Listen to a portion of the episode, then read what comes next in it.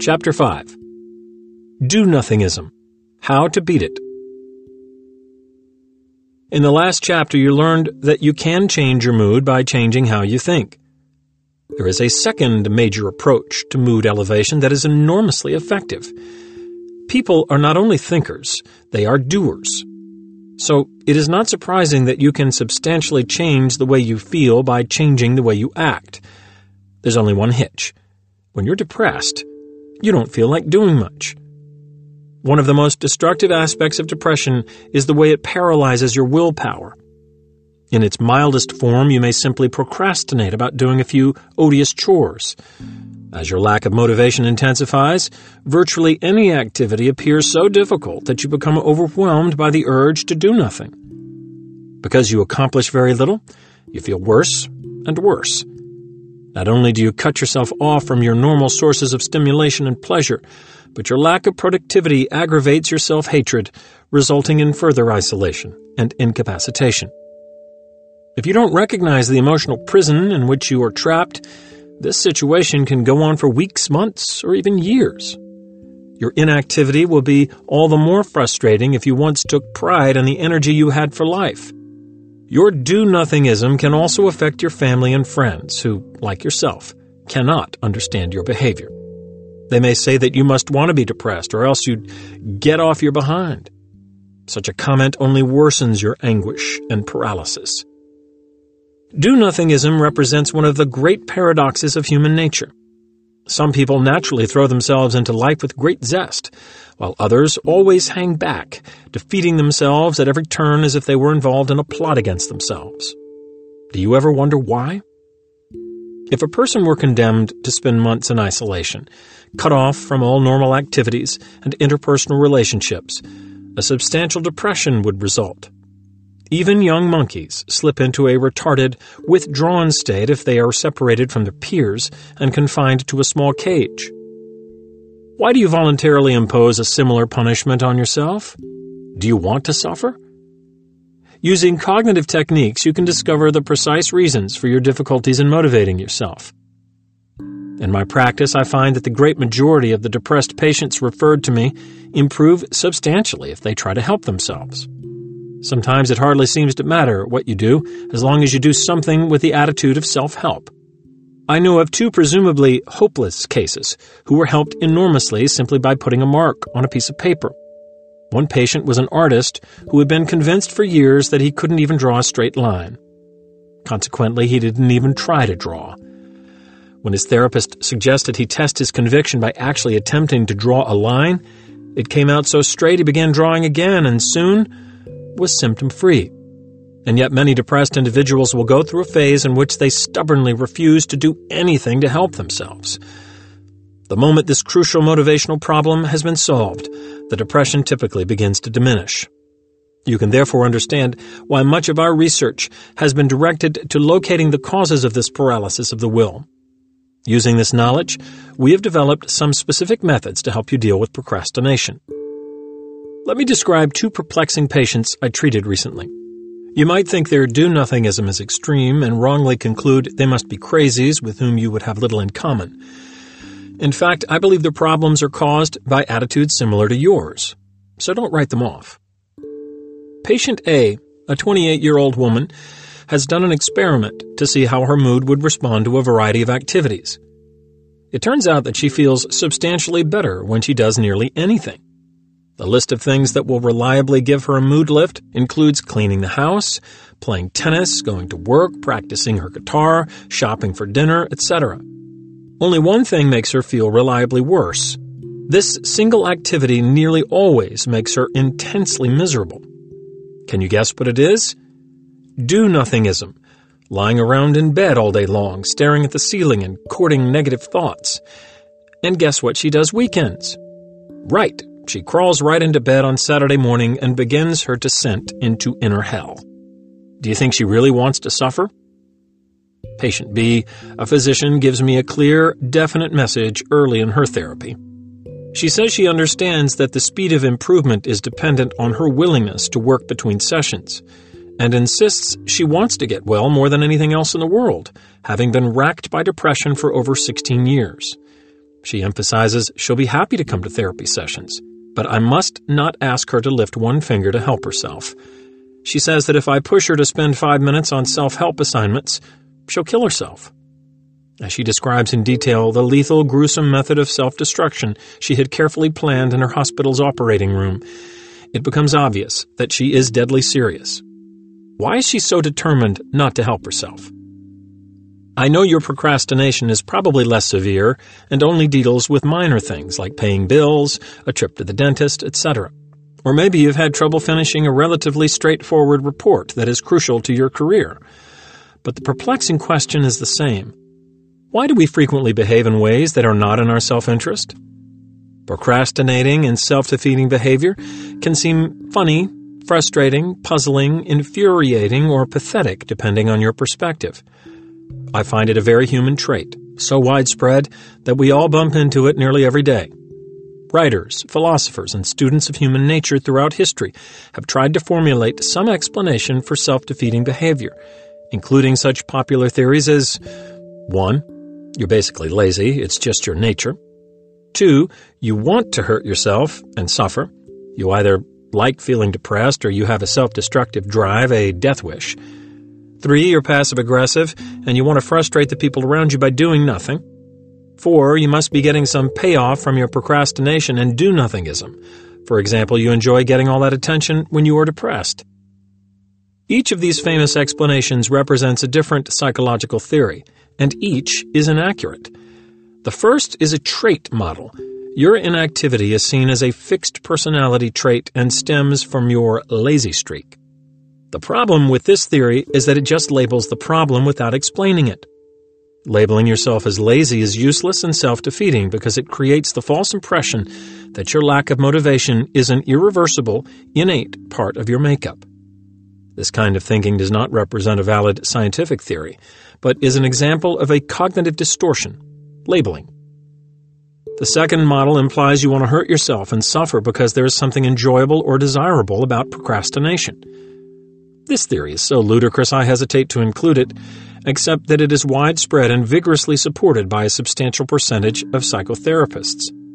If you have the hunch that you or someone else likes being depressed and doing nothing, then remind yourself that depression is the most agonizing form of human suffering. Tell me, what is so great about it? I haven't yet met a patient who really enjoys the misery. If you aren't convinced, but think you really do enjoy pain and suffering, then give yourself the paperclip test. Straighten out one end of a paperclip and push it under your fingernail. As you push harder and harder, you may notice how the pain becomes more and more excruciating. Now, ask yourself is this really enjoyable? Do I really like to suffer? The third hypothesis, your passive aggressive, represents the thinking of many therapists who believe that depressive behavior can be explained on the basis of internalized anger. Your procrastination could be seen as an expression of that pent up hostility because your inaction often annoys the people around you. One problem with this theory is that most depressed or procrastinating individuals simply do not feel particularly angry. Resentment can sometimes contribute to your lack of motivation, but is usually not central to the problem.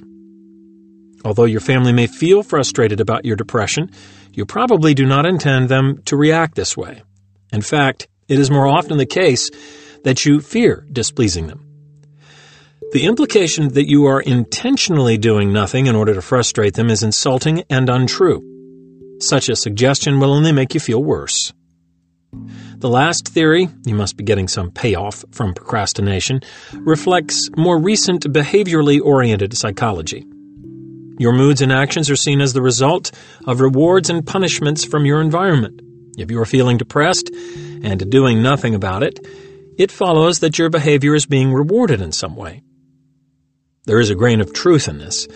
Depressed people do sometimes receive substantial support and reassurance from others who try to help them. However, the depressed person rarely enjoys all the attention he receives because of his profound tendency to disqualify it.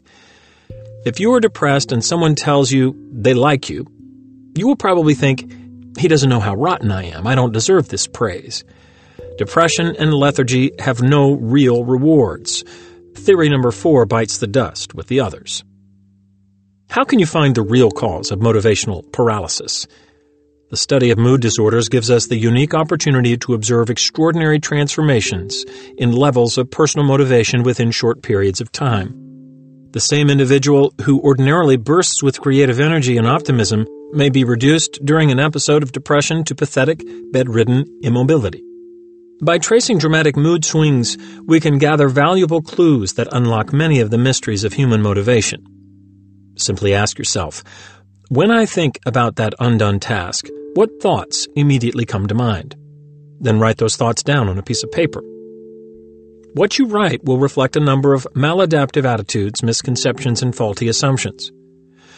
You will learn that the feelings that impede your motivation, such as apathy, anxiety, or the sense of being overwhelmed, are the result of distortions in your thinking. Figure 5.1 on the enhanced portion of this audiobook shows a typical lethargy cycle. The thoughts on this patient's mind are negative.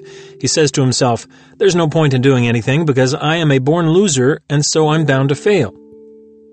Such a thought sounds very convincing when you are depressed, immobilizing you and making you feel inadequate, overwhelmed, self hating, and helpless. You then take these negative emotions as proof that your pessimistic attitudes are valid, and you begin to change your approach to life. Because you are convinced you will botch up anything, you don't even try. You stay in bed instead. You lie back passively and stare at the ceiling, hoping to drift into sleep, painfully aware that you are letting your career go down the drain while your business dwindles into bankruptcy. You may refuse to answer the phone for fear of hearing bad news. Life becomes a treadmill of boredom, apprehension, and misery. This vicious cycle can go on indefinitely unless you know how to beat it. As indicated in Figure 5.1, the relationship between your thoughts, feelings, and behaviors is reciprocal. All your emotions and actions are the results of your thoughts and attitudes. Similarly, your feelings and behavior patterns influence your perceptions in a wide variety of ways. It follows from this model that all emotional change is ultimately brought about by cognitions. Changing your behavior will help you feel better about yourself if it exerts a positive influence on the way you are thinking. Thus, you can modify your self defeating mental set if you change your behavior in such a way that you are simultaneously putting the lie to the self defeating attitudes that represent the core of your motivational problem. Similarly, as you change the way you think, you will feel more in the mood to do things, and this will have an even stronger positive effect on your thinking patterns. Thus, you can transform your lethargy cycle into a productivity cycle. The following are the types of mindsets most commonly associated with procrastination and do nothingism. You may see yourself in one or more of them. 1. Hopelessness. When you are depressed, you get so frozen in the pain of the present moment that you forget entirely that you ever felt better in the past and find it inconceivable that you might feel more positive in the future. Therefore, any activity will seem pointless because you are absolutely certain your lack of motivation and sense of oppression are unending and irreversible.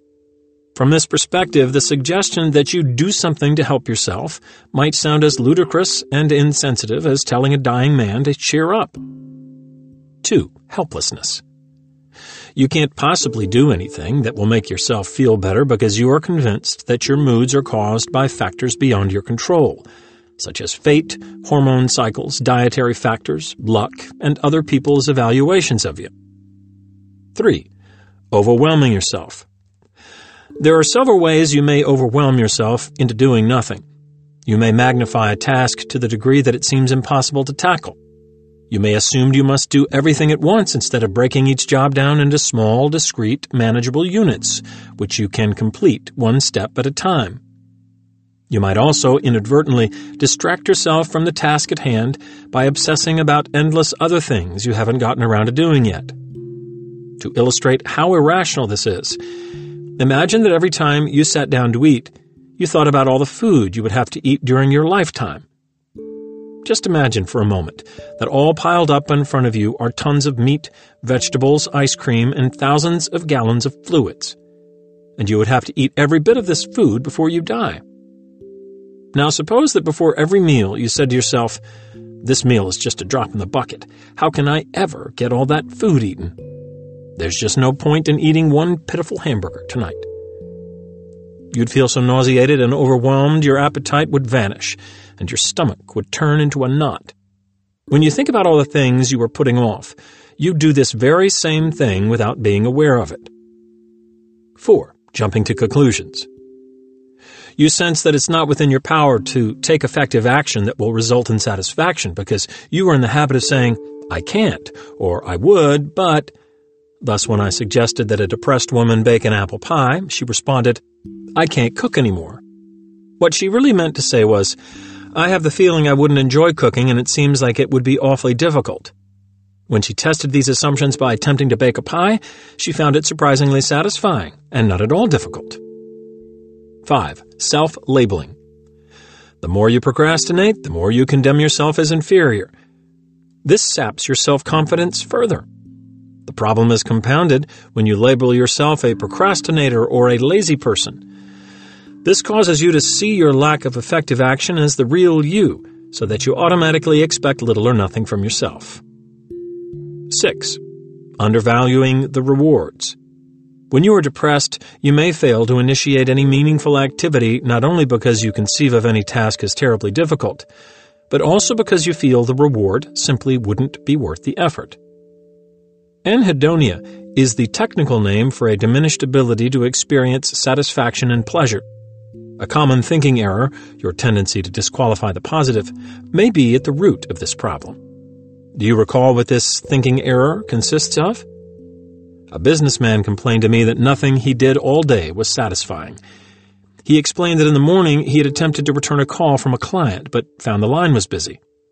As he hung up, he told himself, that was a waste of time. Later in the morning, he successfully completed an important business negotiation. This time he told himself, anyone in our firm could have handled it just as well or better. It was an easy problem, and so my role wasn't really important. His lack of satisfaction results from the fact that he always finds a way to discredit his efforts. His bad habit of saying, it doesn't count, successfully torpedoes any sense of fulfillment. 7.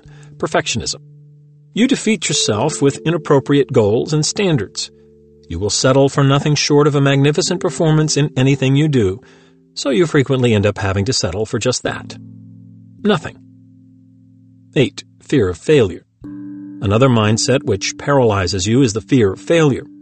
Because you imagine that putting in the effort and not succeeding would be an overwhelming personal defeat. You refuse to try at all.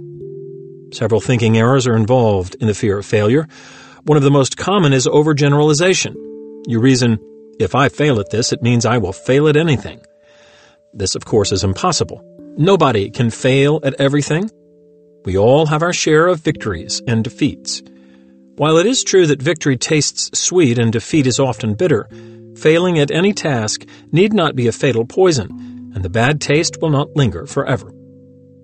A second mindset that contributes to the fear of defeat is when you evaluate your performance exclusively on the outcome regardless of your individual effort. This is illogical and reflects a product orientation rather than a process orientation. Let me explain this with a personal example. As a psychotherapist, I can control only what I say and how I interact with each patient.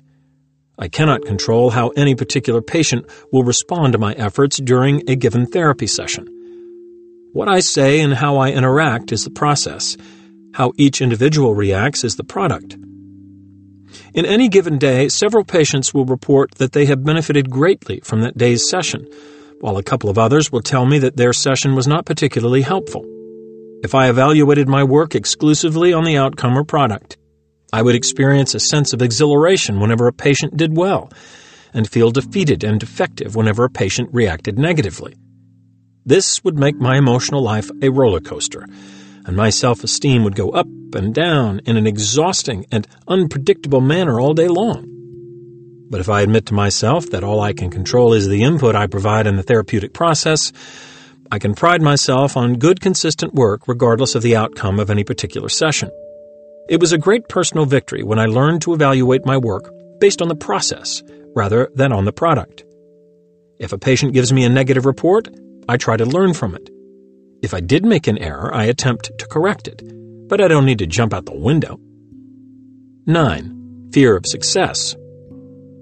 Because of your lack of confidence, success may seem even more risky than failure because you are certain it is based on chance. Therefore, you are convinced you couldn't keep it up, and you feel your accomplishments will falsely raise the expectations of others. Then, when the awful truth that you are basically a loser ultimately comes out, the disappointment, rejection, and pain will be all the more bitter. Since you feel sure you will eventually fall off the cliff, it seems safer not to go mountain climbing at all. You may also fear success because you anticipate that people will make even greater demands on you, because you are convinced you must and can't meet their expectations. Success would put you into a dangerous and impossible situation. Therefore, you try to maintain control by avoiding any commitment or involvement. 10. Fear of disapproval or criticism. You imagine that if you try something new, any mistake or flub will be met with strong disapproval and criticism because the people you care about won't accept you if you are human and imperfect. The risk of rejection seems so dangerous that to protect yourself, you adopt as low a profile as possible. If you don't make any effort, you can't goof up. 11. Coercion and resentment. A deadly enemy of motivation is a sense of coercion. You feel under intense pressure to perform, generated from within and without. This happens when you try to motivate yourself with moralistic shoulds and oughts. You tell yourself, I should do this, and I have to do that. Then you feel obliged, burdened, tense, resentful, and guilty. You feel like a delinquent child under the discipline of a tyrannical probation officer. Every task becomes colored with such unpleasantness that you can't stand to face it. Then, as you procrastinate, you condemn yourself as a lazy, no good bum. This further drains your energies. 12. Low frustration tolerance. You assume that you should be able to solve your problems and reach your goals rapidly and easily, so you go into a frenzied state of panic and rage when life presents you with obstacles. Rather than persist patiently over a period of time, you may retaliate against the unfairness of it all when things get tough so you give up completely. I also call this the entitlement syndrome because you feel and act as if you were entitled to success, love, approval, perfect health, happiness, etc. Your frustration results from your habit of comparing reality with an ideal in your head. When the two don't match, you condemn reality. It doesn't occur to you that it might be infinitely easier simply to change your expectations than to bend and twist reality. This frustration is frequently generated by should statements. While jogging, you might complain, For all the miles I've gone, I should be in better shape by now. Indeed, why should you? You may have the illusion that such punishing, demanding statements will help you by driving you on to try harder and to put out more effort. It rarely works this way.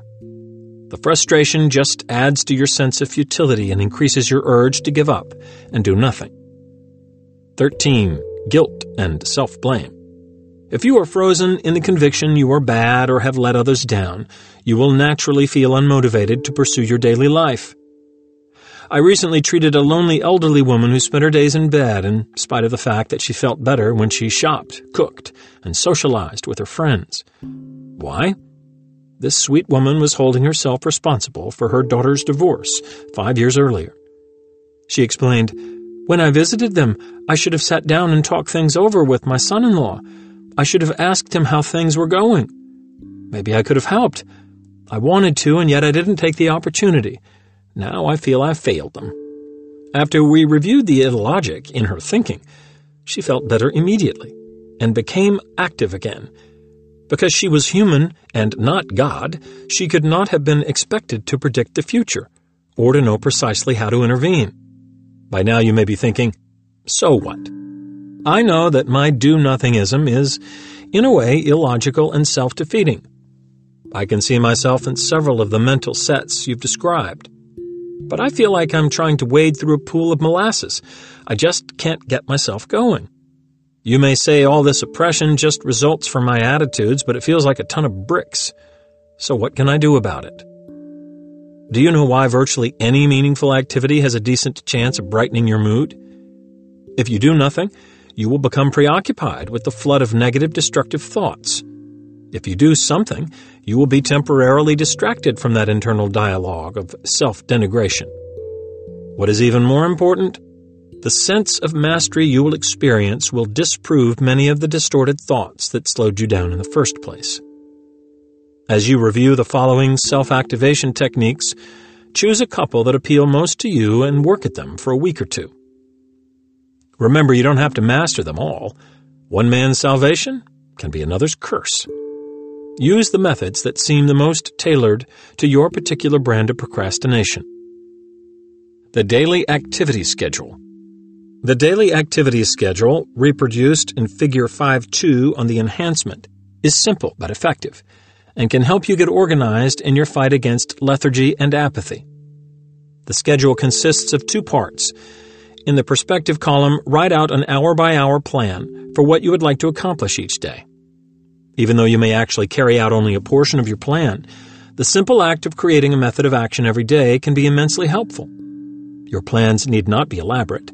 Just put one or two words in each time slot to indicate what you'd like to do, such as dress, eat lunch, prepare resume, etc. It should not require more than five minutes to do this. At the end of the day, fill out the retrospective column. Record in each time slot what you actually did during the day. This may be the same as or different from what you actually planned. Nevertheless, even if it was just staring at the wall, write it down. In addition, label each activity with the letter M for mastery or the letter P for pleasure. Mastery activities are those which represent some accomplishment, such as brushing your teeth, cooking dinner, driving to work, etc. Pleasure might include reading a book, eating, going to a movie, etc. After you have written M or P for each activity, estimate the actual amount of pleasure or the degree of difficulty in the task by using a 0 to 5 rating. For example, you could give yourself a score of M1 for a particularly easy task like getting dressed, while M4 or M5 would indicate you did something more difficult and challenging, such as not eating too much or applying for a job. You can rate the pleasure activities in a similar manner. If any activity was pleasurable in the past when you were not depressed, but today it was nearly or totally devoid of pleasure, put a P minus one half or a P zero. Some activities, such as cooking dinner, can be labeled M and P. Why is this simple activity schedule likely to be helpful? First, it will undercut your tendency to obsess endlessly about the value of various activities and to debate counterproductively about whether or not to do something. Accomplishing even a part of your scheduled activities will in all probability give you some satisfaction and will combat your depression. As you plan your day, develop a balanced program that provides for enjoyable leisure activities as well as work. If you are feeling blue, you may want to put a special emphasis on fun even if you doubt you can enjoy things as much as usual. You may be depleted from having asked too much of yourself, causing an imbalance in your give and get system. If so, take a few days of vacation and schedule only those things you want to do. If you adhere to the schedule, you will find your motivation increasing. As you start doing things, you will begin to disprove your belief that you are incapable of functioning effectively. As one procrastinator reported, by scheduling my day and comparing the results, I have become aware of how I spend my time. This has helped me take charge of my life once again. I realize that I can be in control if I want to. Keep this daily activity schedule for at least a week. As you review the activities in which you participated during the previous week, you will see that some have given you a greater sense of mastery and pleasure. As indicated by higher scores, as you continue planning each upcoming day, use this information to schedule more of those activities and avoid others which are associated with lower satisfaction levels. The daily activity schedule can be especially helpful for a common syndrome I call the weekend holiday blues. This is a pattern of depression most often reflected in people who are single and have their greatest emotional difficulties when alone. If you fit this description, you probably assume these periods are bound to be unbearable, so you do very little to care for yourself creatively. You stare at the walls and mope, or lie in bed all day, Saturday and Sunday, or for good times, you watch a boring TV show and eat a meager dinner of a peanut butter sandwich and a cup of instant coffee. No wonder your weekends are tough. Not only are you depressed and alone, but you treat yourself in a way that can only inflict pain. Would you treat someone else in such a sadistic manner? These weekend blues can be overcome by using the daily activity schedule. On Friday night, schedule some plans for Saturday on an hourly basis. You may resist this, saying, What's the point? I'm all alone. The fact that you are all alone is the very reason for using the schedule. Why assume you're bound to be miserable? This prediction can function only as a self fulfilling prophecy. Put it to the test by adopting a productive approach. Your plans need not be elaborate in order to be helpful. You can schedule going to the hairdresser, shopping, visiting an art museum, reading a book, or walking through the park. You will discover that laying out and adhering to a simple plan for the day can go a long way toward lifting your mood. And who knows, if you're willing to care for yourself, you may suddenly notice that others will act more interested in you as well. At the end of the day, before you go to bed, write down what you actually did each hour and rate each activity for mastery and pleasure. Then, make out a new schedule for the following day. This simple procedure may be the first step toward a sense of self respect and genuine self reliance. The Anti Procrastination Sheet. In Figure 5 3 is a form I have found effective in breaking the habit of procrastination. You may be avoiding a particular activity because you predict it will be too difficult and unrewarding. Using the anti procrastination sheet, you can train yourself to test these negative predictions. Each day, write down in the appropriate column one or more tasks you have been putting off. If the task requires substantial time and effort, it is best to break it down into a series of small steps so that each one can be completed in 15 minutes or less. Now write down in the next column how difficult you predict each step of the task will be, using a 0 to 100% scale. If you imagine the task will be easy, you can write down a low estimate such as 10 to 20%. For harder tasks, use 80 to 90%. In the next column, write down your prediction of how satisfying and rewarding it will be to complete each phase of the task, again using the percentage system. Once you've recorded these predictions, go ahead and complete the first step of the task. After you've completed each step, take note of how difficult it actually turned out to be, as well as the amount of pleasure you gained from doing it. Record this information in the last two columns, again using the percentage system. Take a look at Figure 5.3 on the enhancement. It shows how a college professor used this form to overcome several months of putting off writing a letter, applying for a teaching position opening up at another university. As you can see, he anticipated that writing the letter would be difficult and unrewarding. After he recorded his pessimistic predictions, he became curious to outline the letter and prepare a rough draft to see if it would be as tedious and unrewarding as he thought. He found to his great surprise that it turned out to be easy and satisfying and he felt sufficiently motivated that he went on to complete the letter. He recorded this data in the last two columns. The information gained from this experiment so greatly astonished him that he used the anti procrastination sheet in many other areas in his life. Consequently, his productivity and self confidence underwent a dramatic increase, and his depression disappeared. Daily Record of Dysfunctional Thoughts this record, introduced in Chapter 4, can be used to great advantage when you are overwhelmed by the urge to do nothing. Simply write down the thoughts that run through your mind when you think about a particular task. This will immediately show you what your problem is. Then write down appropriate rational responses that show these thoughts are unrealistic. This will help you mobilize enough energy to take that first difficult step. Once you've done that, you will gain momentum and be on your way. An example of this approach is indicated in Figure 5 4. Annette is an attractive young single woman who owns and operates a successful boutique. She is patient A, described previously. She does well during the week because of all the bustle at her store. On weekends, she tends to hide away in bed unless she has social activities lined up. The moment she gets into bed, she becomes despondent, yet claims it is beyond her control to get out of bed. As Annette recorded her automatic thoughts one Sunday evening, as seen in Figure 5.4 on the enhancement, it became obvious what her problems were. She was waiting around until she felt the desire, interest, and energy to do something. She was assuming that there was no point in doing anything since she was alone, and she was persecuting and insulting herself because of her inactivity. When she talked back to her thoughts, she reported that the clouds lifted just a bit so that she was able to get up, take a shower, and get dressed. She then felt even better, and arranged to meet a friend for dinner and a movie. As she predicted in the rational responses column, the more she did, the better she felt. If you decide to use this method, be sure you actually write down upsetting thoughts. If you try to figure them out in your head, you will in all probability get nowhere because the thoughts that stymie you are slippery and complex. When you try to talk back to them, they'll come at you even harder from all angles with such speed that you won't even know what hit you. But when you write them down, they become exposed to the light of reason. This way, you can reflect on them, pinpoint the distortions, and come up with some helpful answers. The Pleasure Predicting Sheet One of Annette's self defeating attitudes is her assumption that there is no point in doing anything productive if she is alone.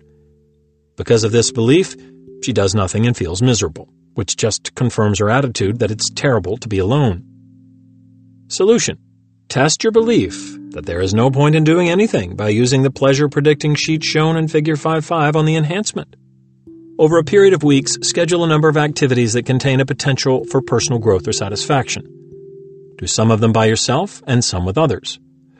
Record who you did each activity with in the appropriate column and predict how satisfying each will be, between 0 and 100%. Then, go and do them.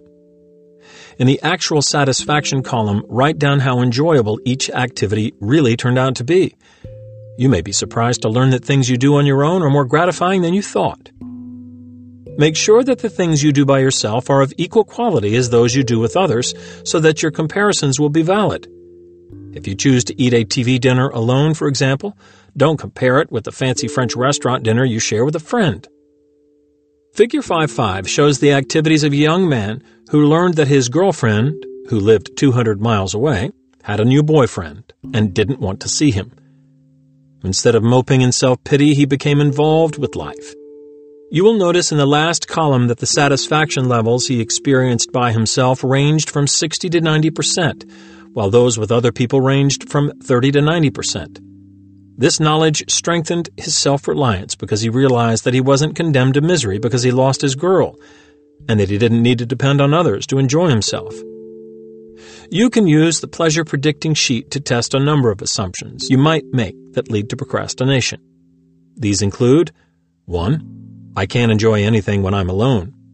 2. There's no point in doing anything because I failed at something important to me. In effect, I didn't get the job or promotion I had my heart set on. 3. Since I'm not rich, successful, or famous, I can't really enjoy things to the hilt. 4.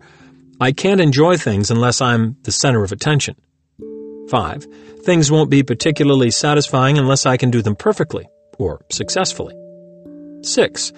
I wouldn't feel very fulfilled if I did just a part of my work. I've got to get it all done today. All of these attitudes will produce a round of self fulfilling prophecies if you don't put them to the test.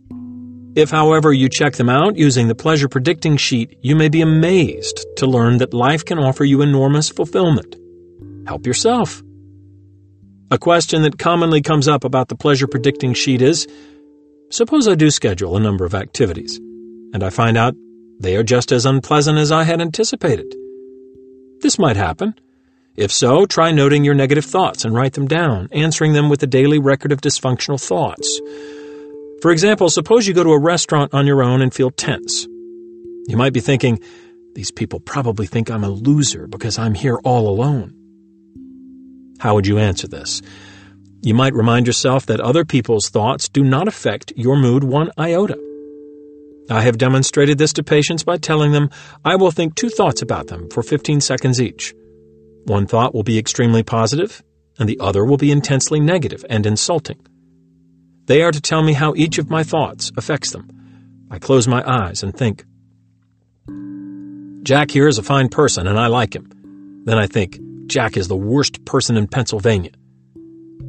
Since Jack doesn't know which thought is which, they have no effect on him.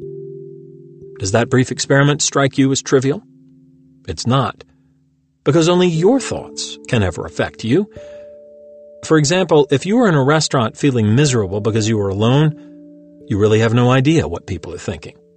It's your thoughts, and only yours, that are making you feel terrible. You're the only person in the world who can effectively persecute yourself. Why do you label yourself a loser because you're in a restaurant alone? Would you be so cruel to someone else? Stop insulting yourself like that.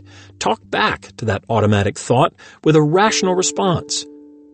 Going to a restaurant alone doesn't make me a loser. I have just as much right to be here as anyone else. If someone doesn't like it, so what? As long as I respect myself, I don't need to be concerned with others' opinions. How to get off your butt, the butt rebuttal. Your butt may represent the greatest obstacle to effective action. The moment you think of doing something productive, you give yourself excuses in the form of buts. For example, I could go out and jog today, but. One, I'm really too tired to. Two, I'm just too lazy. Three, I'm not particularly in the mood, etc. Here's another example. I could cut down on my smoking, but one, I don't have that kind of self discipline. Two, I don't really feel like going cold turkey and cutting down gradually would be slow torture. Three, I've been too nervous lately. If you really want to motivate yourself, you'll have to learn how to get off your butt. One way to do this is with the butt rebuttal method, shown in Figure 5 6 on the enhanced portion of this audiobook. Suppose it's Saturday and you've scheduled mowing the lawn. You procrastinated for three weeks and it looks like a jungle. You tell yourself, I really should, but I'm just not in the mood. Record this in the but column. Now fight back by writing a but rebuttal. I'll feel more like it once I get started. When I'm done, I'll feel terrific. Your next impulse will probably be to dream up a new objection, but it's so long it will take forever. Now fight back with a new rebuttal as shown in Figure 5 6 and continue this process until you've run out of excuses. Learn to endorse yourself. Do you frequently convince yourself that what you do doesn't count? If you have this bad habit, you will naturally feel that you never do anything worthwhile. It won't make any difference if you're a Nobel laureate or a gardener. Life will seem empty because your sour attitude will take the joy out of all your endeavors and defeat you before you even begin. No wonder you feel unmotivated. To reverse this destructive tendency, a good first step would be to pinpoint the self downing thoughts that cause you to feel this way in the first place. Talk back to these thoughts and replace them with ones that are more objective and self endorsing. Some examples of this are shown in Figure 5 7 on the enhancement. Once you get the knack of it, practice consciously endorsing yourself all day long for the things you do, even if they seem trivial. You may not feel a pleasant emotional lift in the beginning, but keep practicing, even if it seems mechanical. After a few days, you will begin to experience some mood lift, and you will feel more pride about what you're doing. You may object, why should I have to pat myself on the back for everything I do? My family, friends, and business associates should be more appreciative of me. There are several problems here. In the first place, even if people are overlooking your efforts, you are guilty of the same crime if you also neglect yourself, and pouting won't improve the situation. Even when someone does stroke you, you can't absorb the praise unless you decide to believe and therefore validate what is being said. How many genuine compliments fall on your deaf ears because you mentally discredit them? When you do this, other people feel frustrated because you don't respond positively to what they are saying. Naturally, they give up trying to combat your self downing habit. Ultimately, only what you think about what you do will affect your mood. It can be helpful simply to make a written or mental list of the things you do each day. Then give yourself a mental credit for each of them, however small. This will help you focus on what you have done instead of what you haven't gotten around to doing. It may sound simplistic, but it works. Tick tock technique. If you are procrastinating about getting down to a specific task, take note of the way you are thinking about it. These ticks, or task interfering cognitions, will lose much of their power over you if you simply write them down and substitute more adaptive TOCs or task oriented cognitions using the double column technique. A number of examples are shown in Figure 5 8 on the enhanced portion of this audiobook. When you record your tick-tocks, be sure to pinpoint the distortion in the tick that defeats you. You may find, for example, that your worst enemy is all or nothing thinking or disqualifying the positive, or you may be in the bad habit of making arbitrary negative predictions. Once you become aware of the type of distortion that most commonly thwarts you, you will be able to correct it. Your procrastination and time wasting will give way to action and creativity. You can also apply this principle to mental images and daydreams as well as to thoughts. When you avoid a task, you probably automatically fantasize about it in a negative, defeatist fashion. This creates unnecessary tension and apprehension, which impairs your performance and increases the likelihood that your dreaded fear will actually come true. For example, if you have to give a speech to a group of associates, you may fret and worry for weeks ahead of time because in your mind's eye, you see yourself forgetting what you have to say or reacting defensively to a pushy question from the audience. By the time you give the speech, you have effectively programmed yourself to behave just this way and you're such a nervous wreck it turns out just as badly as you had imagined. If you dare to give it a try, here's a solution. For 10 minutes every night before you go to sleep, practice fantasizing that you deliver the speech in a positive way. Imagine that you appear confident, that you present your material in an energetic manner, and that you handle all questions from the audience warmly and capably. You may be surprised that this simple exercise can go a long way to improving how you feel about what you do. Obviously, there is no guarantee things will always come out exactly as you imagine, but there's no doubt that your expectations and mood will profoundly influence what actually does happen. Little steps for little feet. A simple and obvious self activation method involves learning to break any proposed task down into its tiny component parts. This will combat your tendency to overwhelm yourself by dwelling on all the things you have to do. Suppose your job involves attending lots of meetings, but you find it difficult to concentrate due to anxiety, depression, or daydreaming. You can't concentrate effectively because you think, I don't understand this as I should. Gosh, this is boring. I'd really prefer to be making love or fishing right now. Here's how you can beat the boredom, defeat the distraction, and increase your ability to concentrate. Break the task down into its smallest component parts for example, decide to listen for only three minutes and then take a one minute break to daydream intensively. At the end of this mental vacation, listen for another three minutes and do not entertain any distracting thoughts for this brief period. Then give yourself another one minute break to daydream. This technique will enable you to maintain a more effective level of overall concentration. Giving yourself permission to dwell on distracting thoughts for short periods will diminish their power over you. After a while, they will seem ludicrous. An extremely useful way to divide a task into manageable units is through time limitation. Decide how much time you will devote to a particular task, and then stop at the end of the allotted time and go on to something more enjoyable, whether or not you're finished. As simple as this sounds, it can work wonders. For example, the wife of a political VIP spent years harboring resentment toward her husband for his successful, glamorous life she felt her life consisted of an oppressive load of child rearing and house cleaning. Because she was compulsive, she never felt she had enough time to complete her dreary chores.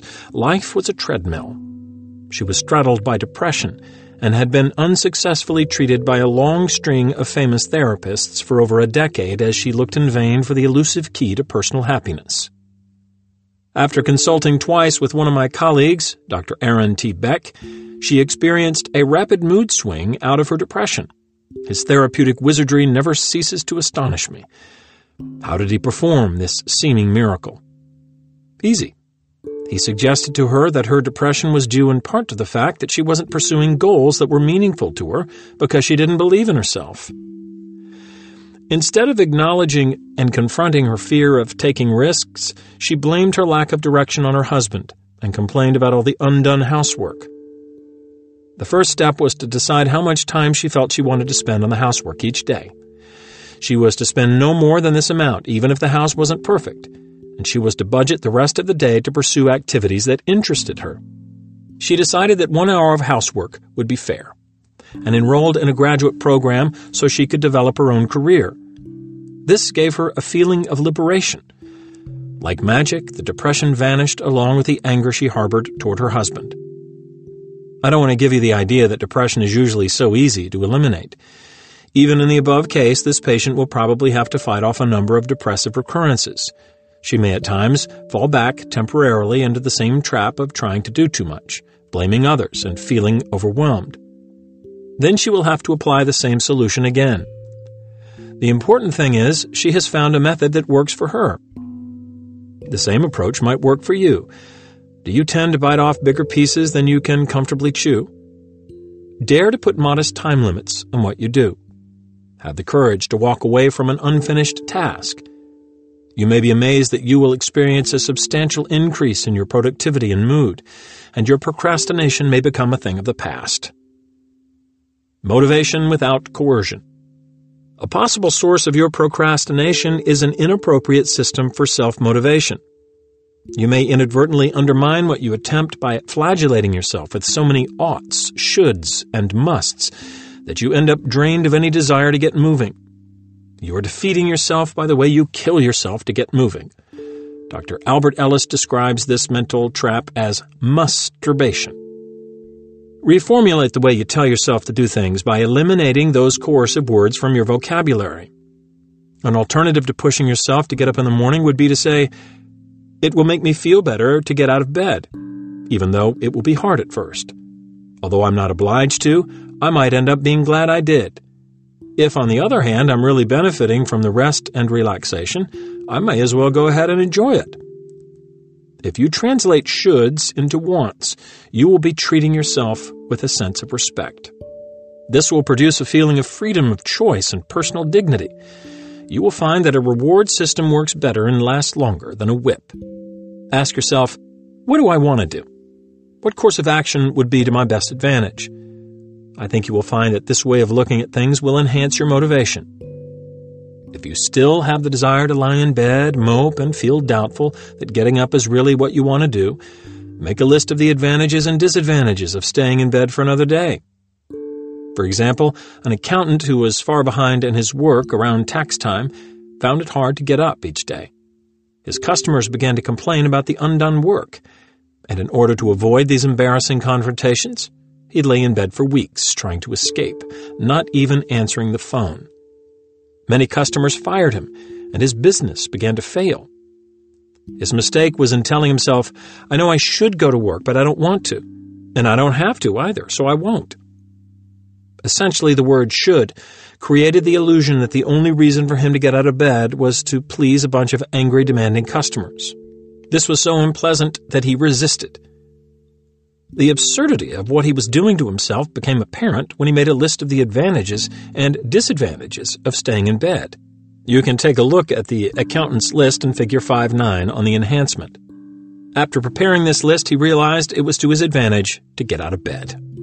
As he subsequently became more involved with his work, his mood rapidly improved in spite of the fact that he had lost many accounts during the period of inactivity. Disarming technique. Your sense of paralysis will be intensified if your family and friends are in the habit of pushing and cajoling you. Their nagging should statements reinforce the insulting thoughts already echoing through your head. Why is their pushy approach doomed to failure? It's a basic law of physics that for every action, there's an equal and opposite reaction. Anytime you feel shoved, whether by someone's hand actually on your chest or by someone trying to boss you around, you will naturally tighten up and resist so as to maintain your equilibrium and balance. You will attempt to exert your self control and preserve your dignity by refusing to do the thing that you are being pushed to do. The paradox is that you often end up hurting yourself. It can be very confusing when someone obnoxiously insists that you do something that actually would be to your advantage. This puts you in a can't win situation because if you refuse to do what the person tells you, you end up defeating yourself just in order to spite him or her. In contrast, if you do what the person tells you to do, you feel had. Because you gave in to those pushy demands. You get the feeling the individual controlled you, and this robs you of self respect. No one likes to be coerced. For example, Mary is a woman in her late teens who was referred to us by her parents after many years of depression. Mary was a real hibernator and had the capacity to sit alone in her room watching TV soap operas for months at a time. This was due in part to her irrational belief that she looked peculiar and that people would stare at her if she went out in public, and also by her feeling of being coerced by her domineering mother. Mary admitted that doing things might help her feel better, but this would mean giving in to her mother, who kept telling her to get off her duff and do something. The harder mom pushed, the more stubbornly Mary resisted. It is an unfortunate fact of human nature that it can be extremely difficult to do something when you sense you are being forced into it. Fortunately, it's very easy to learn how to handle people who nag and harangue you and try to run your life. Suppose you are Mary and after thinking things over, you decide you would be better off if you got involved in doing a number of things. You've just made this decision when your mother comes into your bedroom and announces, Don't you lie around any longer. Your life is going down the drain. Get moving. Get involved in things the way the other girls your age do. At that moment, in spite of the fact that you already have decided to do just that, you develop a tremendous aversion to it. The disarming technique is an assertive method that will solve this problem for you. Other applications of this verbal maneuver will be described in the next chapter. The essence of the disarming technique is to agree with your mother but to do so in a way that you remind her you were agreeing with her based on your own decision and not because she was telling you what to do. So you might answer this way Yes, Mom, I just thought the situation over myself and decided it would be to my advantage to get moving on things. Because of my own decision, I'm going to do it. Now you can start doing things and not feel had. Or if you wish to put more of a barb in your comments, you can always say, Yes, Mom, I have, in fact, decided to get out of bed in spite of the fact that you've been telling me to. Visualize success. A powerful self motivation method involves making a list of the advantages of a productive action you've been avoiding because it requires more self discipline than you have been able to muster. Such a list will train you to look at the positive consequences of doing it. It's only human to go after what you want. Furthermore, clubbing yourself into effective action doesn't usually work nearly as well as a fat, fresh carrot. Suppose, for example, you want to quit smoking. You may be reminding yourself about cancer and all the other dangers of smoking. These fear tactics make you so nervous that you immediately reach for another cigarette. They don't work. Here's a three step method that does work. The first step is to make a list of all the positive consequences that will result when you become a non smoker. List as many as you can think of, including 1. Improved health. 2. I'll respect myself. 3. I'll have greater self discipline with my new self confidence. I may be able to do a whole lot of other things I've been putting off. 4. I will be able to run and dance actively and still feel good about my body. I'll have lots of stamina and extra energy. 5. My lungs and heart will become strong. My blood pressure will go down. 6. My breath will be fresh. 7. I'll have extra spending money. 8. I'll live longer. 9. The air around me will be clean. 10. I'll be able to tell people that I've become a non smoker. Once you prepare the list, you're ready for the second step. Every night before you go to sleep, fantasize you are in your favorite spot, walking through the woods and the mountains on a crisp autumn day, or maybe lying on a quiet beach near a crystal blue ocean, with the sun warming your skin. Whatever fantasy you choose, visualize every enjoyable detail as vividly as possible and let your body relax and let go. Allow every muscle to unwind. Let the tension flow out of your arms and legs and leave your body.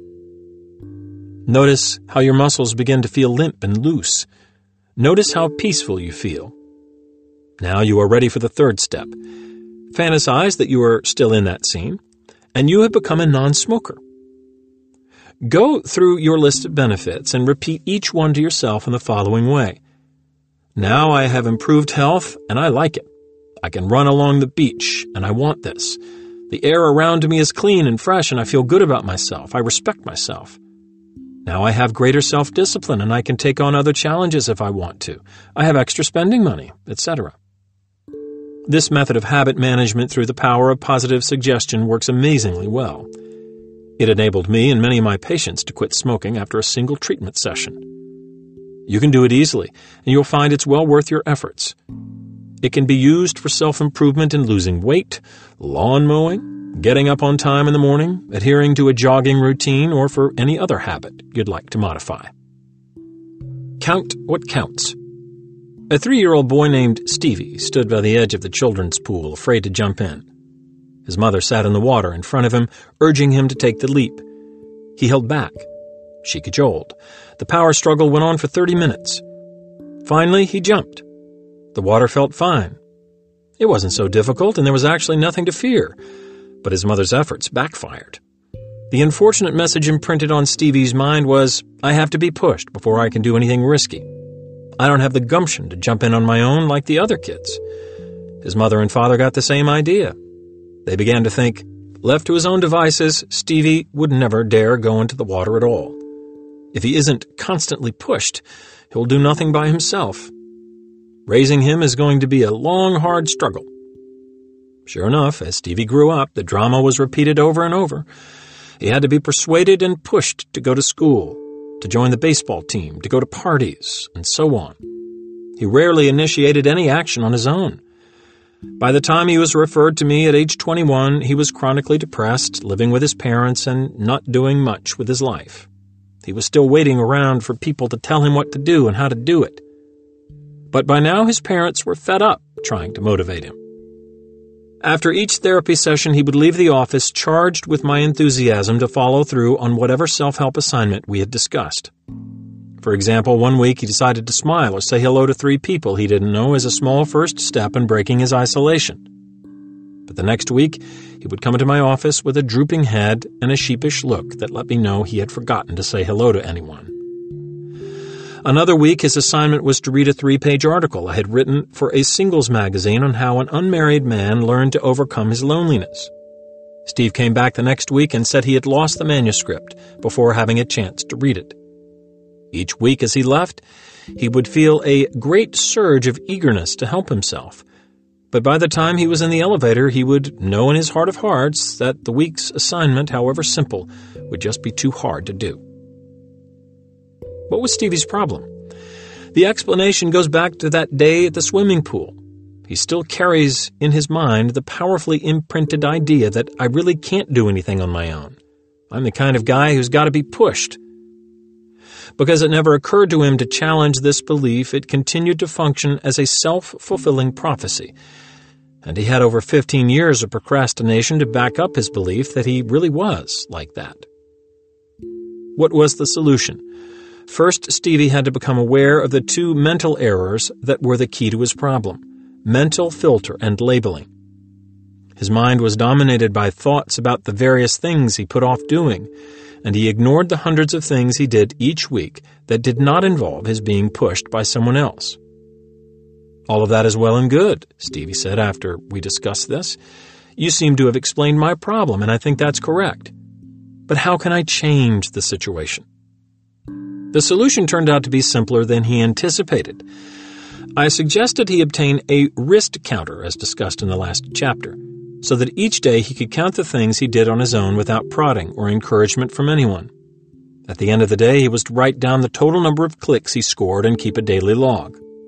Over a several week period, he began to notice that his daily score increased. Every time he clicked the counter, he reminded himself that he was in control of his life. And in this way, he trained himself to notice what he did do. Stevie began to feel increased self confidence and to view himself as a more capable human being. Does it sound simple? It is. Will it work for you? You probably don't think so, but why not put it to the test? If you have a negative reaction and are convinced the wrist counter won't work for you, why not evaluate your pessimistic prediction with an experiment? Learn to count what counts. You may be surprised at the results. Test your can'ts an important key to successful self activation involves learning to adopt a scientific attitude toward the self defeating predictions you make about your performance and abilities. If you put these pessimistic thoughts to the test, you can discover what the truth is. One common self defeating thought pattern when you are depressed or procrastinating is to can't yourself every time you think of something productive to do. Perhaps this stems from your fear of being blamed for your do nothingism you try to save face by creating the illusion that you are just too inadequate and incompetent to do a single thing. The problem with defending your lethargy in this manner is that you may really start believing what you are telling yourself. If you say, I can't over and over often enough, it becomes like a hypnotic suggestion, and after a while you become genuinely convinced you really are a paralytic invalid who can't do anything. Typical can't thoughts include I can't cook, I can't function, I can't work, I can't concentrate, I can't read, I can't get out of bed, and I can't clean my apartment. Not only do such thoughts defeat you, they will sour your relationships with those you love because they will see all your I can't statements as annoying whining. They won't perceive that it really looks and seems impossible for you to do anything. They will nag you and set up frustrating power struggles with you. An extremely successful cognitive technique involves testing your negative predictions with actual experiments. Suppose, for example, you've been telling yourself, I'm so upset I can't concentrate well enough to read anything at all. As a way of testing this hypothesis, sit down with today's newspaper and read one sentence, and then see if you can summarize the sentence out loud. You might then predict, but I could never read and understand a whole paragraph. Again, put this to the test. Read a paragraph and summarize. Many severe chronic depressions have been cracked open with this powerful method. The can't lose system. You may feel hesitant to put your can'ts to the test because you don't want to run the risk of failure. If you don't run any risks, at least you can maintain the secret belief that you're basically a terrific person who's decided, for the time being, not to get involved. Behind your aloofness and lack of commitment lurks a powerful sense of inadequacy and the fear of failure. The can't lose system will help you combat this fear Make a list of the negative consequences you might have to deal with if you took a risk and actually did fail. Then expose the distortions in your fears and show how you could cope productively even if you did experience a disappointment. The venture that you have been avoiding may involve a financial, personal, or scholastic risk. Remember that even if you do fail, some good can come from it. After all, this is how you learned how to walk. You didn't just jump up from your crib one day and waltz gracefully across the room. You stumbled and fell on your face and got up and tried again. At what age are you suddenly expected to know everything and never make any more mistakes? If you can love and respect yourself in failure, worlds of adventure and new experiences will open up before you, and your fears will vanish. An example of a written can't lose system is shown in Figure 510 on the enhanced portion of this audiobook. Don't put the cart before the horse. I'll bet you still may not know for sure where motivation comes from. What, in your opinion, comes first, motivation or action? If you said motivation, you made an excellent logical choice. Unfortunately, you're wrong. Motivation does not come first. Action does. You have to prime the pump. Then you will begin to get motivated, and the fluids will flow spontaneously. Individuals who procrastinate frequently confuse motivation and action. You foolishly wait until you feel in the mood to do something. Since you don't feel like doing it, you automatically put it off. Your error is your belief that motivation comes first, and then leads to activation and success. But it is usually the other way around. Action must come first, and the motivation comes later on. Take this chapter, for example. The first draft of this chapter was overwritten, clumsy, and stale. It was so long and boring that a true procrastinator would never even have the fortitude to read it. The task of revising it seemed to me like trying to go swimming with concrete shoes.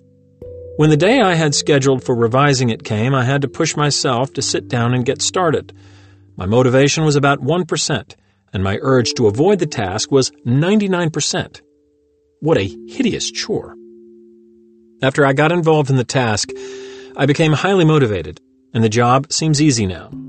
Writing became fun after all. It works like this First, action. Second, motivation. Third, more action. If you are a procrastinator, you probably aren't aware of this, so you lie around in bed waiting for inspiration to strike. When someone suggests you do something, you whine, I don't feel like it.